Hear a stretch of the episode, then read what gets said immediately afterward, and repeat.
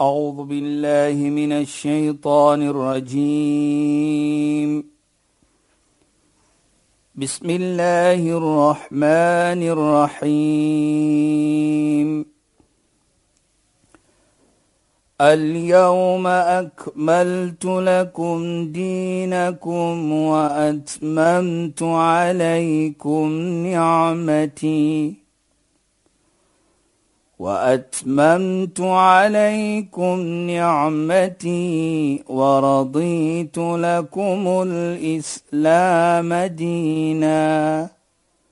صدق الله العظيم.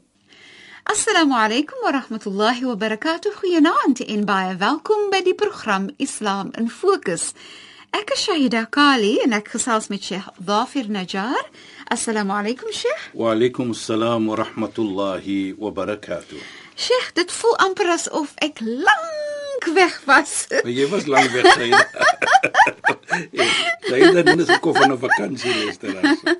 ja nee, dit was regtig wonderlik. En dan vanaand praat ons oor geloof. Sheikh, ek is eintlik baie opgewonde dat ons oor geloof gaan praat. Ek kan nie wag nie om te hoor wat u met ons gaan deel en waaroor gaan u verder gesels en dan sit ek sommer so met my klomp vrae. Ja. My lysie vrae is al reeds reg. ja. Sheikh. Bismillahirrahmanirrahim. Alhamdulillah. والصلاه والسلام على رسوله صلى الله عليه وسلم وعلى اله وصحبه اجمعين وبعد السلام عليكم ورحمه الله تعالى وبركاته in goeie naam aan ons geëerde en geliefde luisteraars.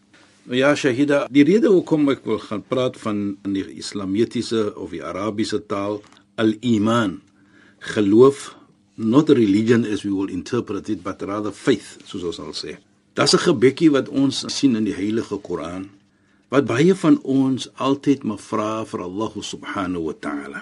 Waar ons sê ربنا إننا سمعنا مناديا ينادي للإيمان أن آمنوا بربكم فآمنا وأنس Heer waarlik waar ons het gehoor die roeping van een wat geroep het na geloof na iman dat ons moet glo in U en ons het geglo in U.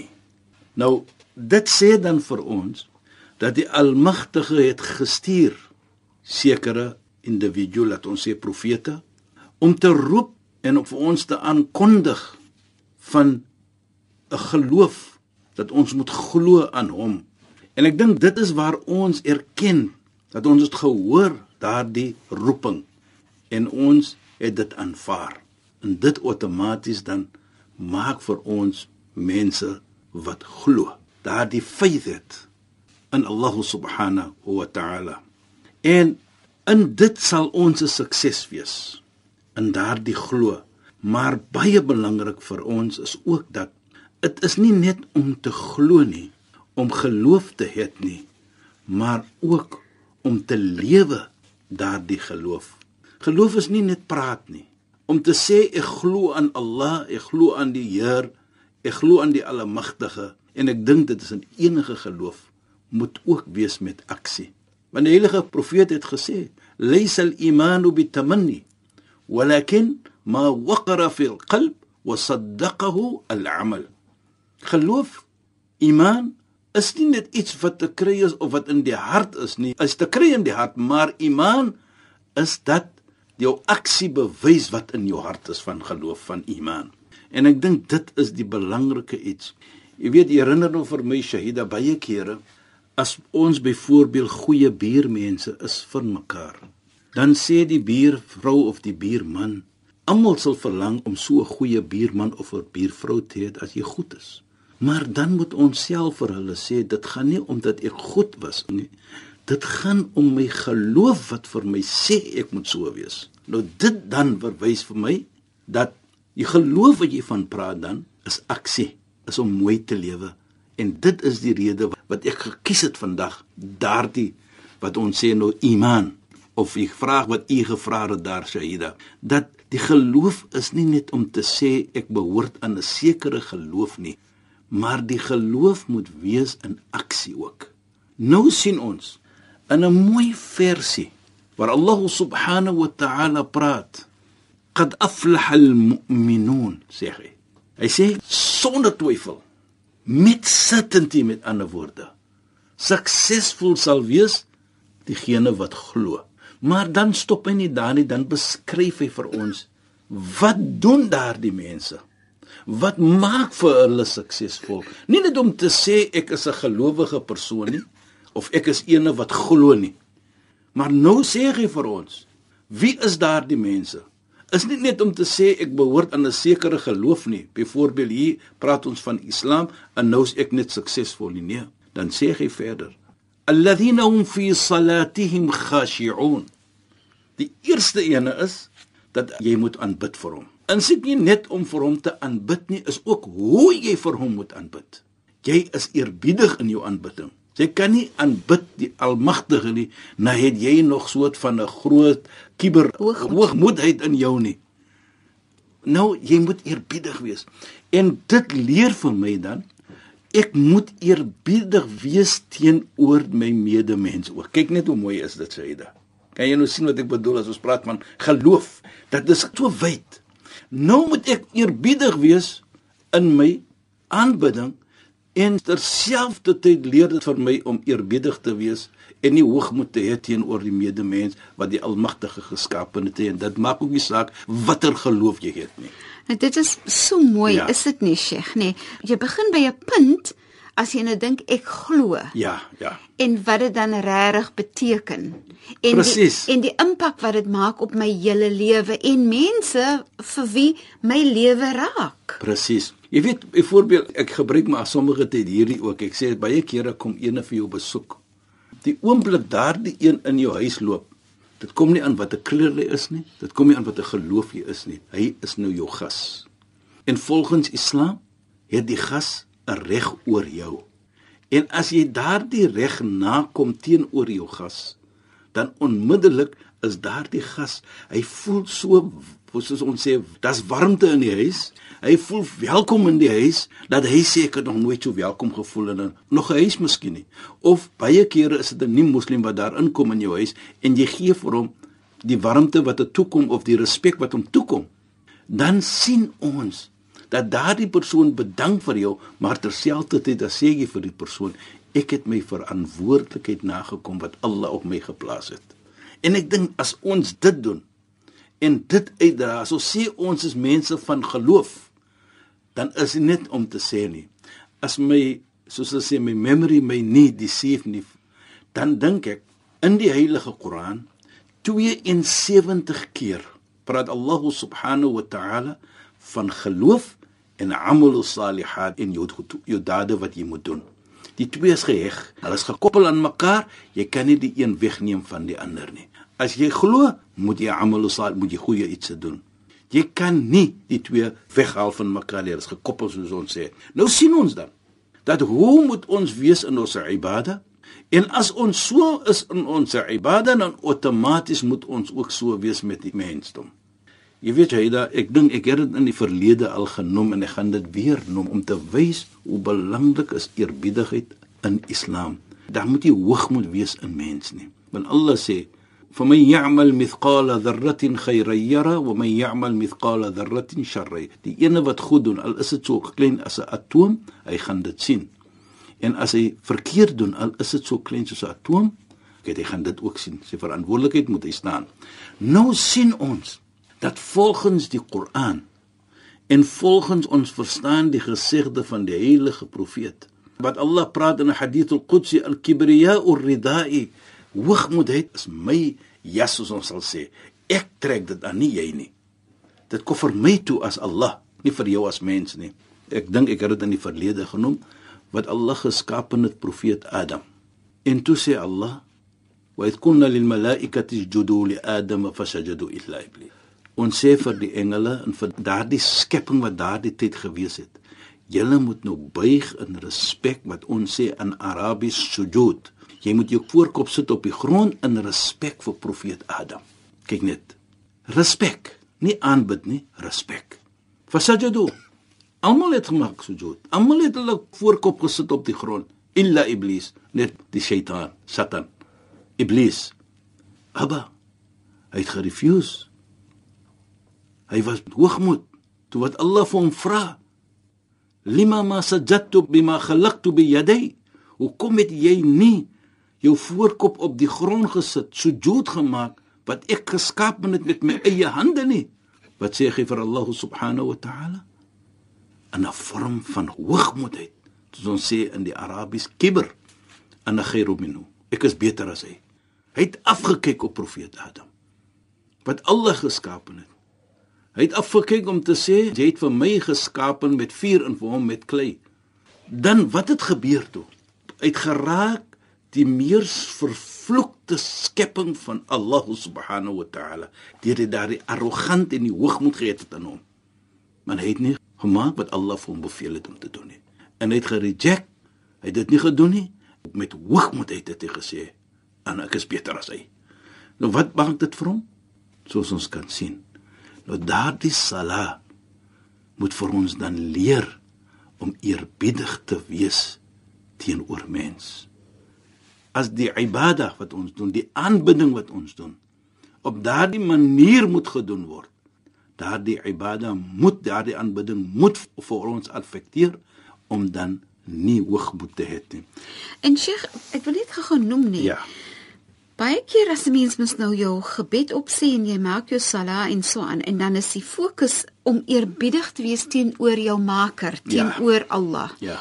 En mens dink nie altyd of fokus nie altyd op dit dat jy nou moet onthou dat jy vat jou eerbiedigheid en om dit uit te leef ook teenoor mense. Presies, Saide.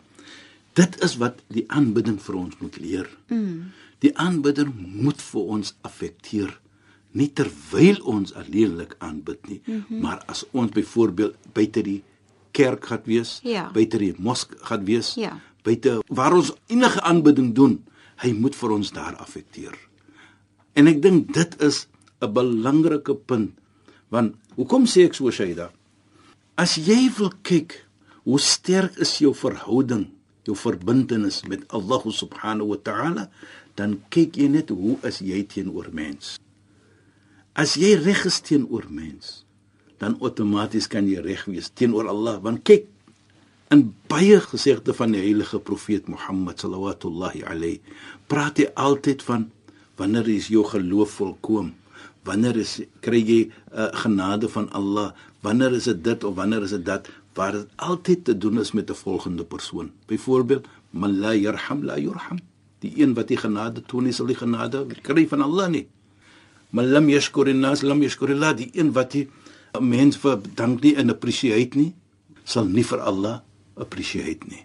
So ons kan sien baie kere is dit geheg aan mens om te kan bewys dat hoe belangrik en hoe moet jy eerbiedig wees teenoor mens is nie net dis net mense en klaar nie nee hulle het 'n belangrike rol om te bewys en om te speel in ons samelewing. So hoe jy glo? Ja, Shaida. Aan Allah moet sigself weerspieël in jou manier waarop jy lewe met mense. Laat ek sien jou verhouding met mense. Hoe is jou verhouding met mense? Ja. Dit sal bewys jou verhouding met Allah. Het jy 'n nare verhouding met mense? Hoe kan jy reg wees met Allah? Met Allah. Kyk, as ons vir Satan vat, vir Satan, Hy het nie 'n goeie verhouding gemaak met profeet Adam nie en wat het gebeur? Waar Allah vir hom beveel het om daardie verhouding te bou, wat ek bedoel om te respek. Want Allah het praat van sujud hier van respek teenoor Adam, hy het dit nie bewys nie en wat het die resultate gewees? Selfde, nou, dit is die eerste 'n sonde wat gemaak gewees het dat die hoogmoed en daardie respek was nie getoon vir 'n skepping van Allah subhanahu wa ta'ala nie. Nou dit sê vir ons dan, jou geloof kan nie volkoem wees nie. Jy kan nie opreg glo nie as jou verhouding met mens, jou verbintenis met mens nie op 'n manier is soos Allah dit wil hê nie. Jy weet, Shaida baie kere byvoorbeeld, ons sê mos nou en ek dink ek het dit ook genoem in die verlede, maar ek gaan dit nou noem dat ek net kan uh, demonstreer wat ons natuurlik wil praat hier vanaand ook. En dit is As 'n bruidegom byvoorbeeld as hy sê I do En hy in volgens Islam sê jy moet kabiltu nikaha. Ek aanvaar nou hierdie persoon as my wetlike vrou byvoorbeeld of die teenoorgestelde natuurlik. Die vrou sê ek aanvaar hom as my man. Ek wil hê uh, my vader moet van my laat trou met so 'n so 'n persoon byvoorbeeld. Nou wat bedoel dit sê dit vir my? Dit bedoel dat jy 'n kontrak geteken met Allah subhanahu wa ta'ala om wat te doen? Om te kyk na my vrou toe Allah dit wil hê, nie hoe jy dit wil hê nie jou menslike reëls wat jy nou doen, jy moet nou dit doen en jy nee, Allah het al dit beskryf. Nou as jy sê, nou kom moet ek na die kerk toe gaan byvoorbeeld. Hoe kom ek na die mos toe gaan byvoorbeeld? Of enige plekke van aanbidding gaan byvoorbeeld om daardie iets te doen, om vir ons te laat verstaan. Dit is te doen met geloof. En dit is die geloof wat Allah subhanahu wa ta'ala nou vir ons beskryf om te kyk na my vrou. Nie hoe ek voel byvoorbeeld nie. En as ek gaan doen soos ek voel en die vrou doen soos sy voel sommige tye, dan gaan daar probleme wees. Want ons weet men met laws soos ons sal sê is natuurlik vir daardie oomblik net. Is nie vir alle tye nie. Ons dink ons doen iets goed daardie oomblik. Maar Allah het vir ons geskaap en hy weet wat is goed vir ons. So sien ons dan dat jou geloof, jou iman is gebaseer dan met jou verhouding, jou verbintenis teenoor jou medemens. Hoe sterk is dit? So sterk sal jou verbind. Ek sê altyd dit. Kyk net hierdie gesegde van die heilige profeet Shaida. Waar die heilige profeet eendag vra vir sy gemeente en natuurlik vir ons ook al almal. Hy vra iets baie mooi. Hy sê الا ادلكم على شيء اذا فعلتم تحاببتم moet ek julle nie iets wys nie as julle dit doen dan gaan julle liefde toon vir mekaar nou voor ek dan toe kom wil ek net vir jou eers neem na 'n nog 'n gesegde van die heilige profeet hy sê ala adullukum ala shay'in idha fa'altum tadkhulul jannata bis salam moet ek julle nie iets wys nie. As julle dit doen, dan gaan julle die hemel in. Soos hulle sal sê, sonne afra. Jy weet jy da en luisteraars, as dit kon na die hemel, dan wil almal mos hemel toe gaan, hè. Inderdaad. Almal wil hemel toe gaan en almal wil Jannah toe gaan.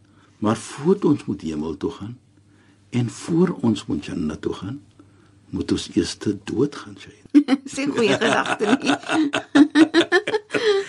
en as ons praat van die dood, as jy almal nee nee nee, moet nou nie daarvan praat nie. Asseblief hou tog bly tog weg daar. Maar dit is die realiteit, dit moet ja, gebeur. Ja. ja. Voordat ons hemel toe, voordat ons Jannah toe gaan, moet ons eens die dood proe. Ja.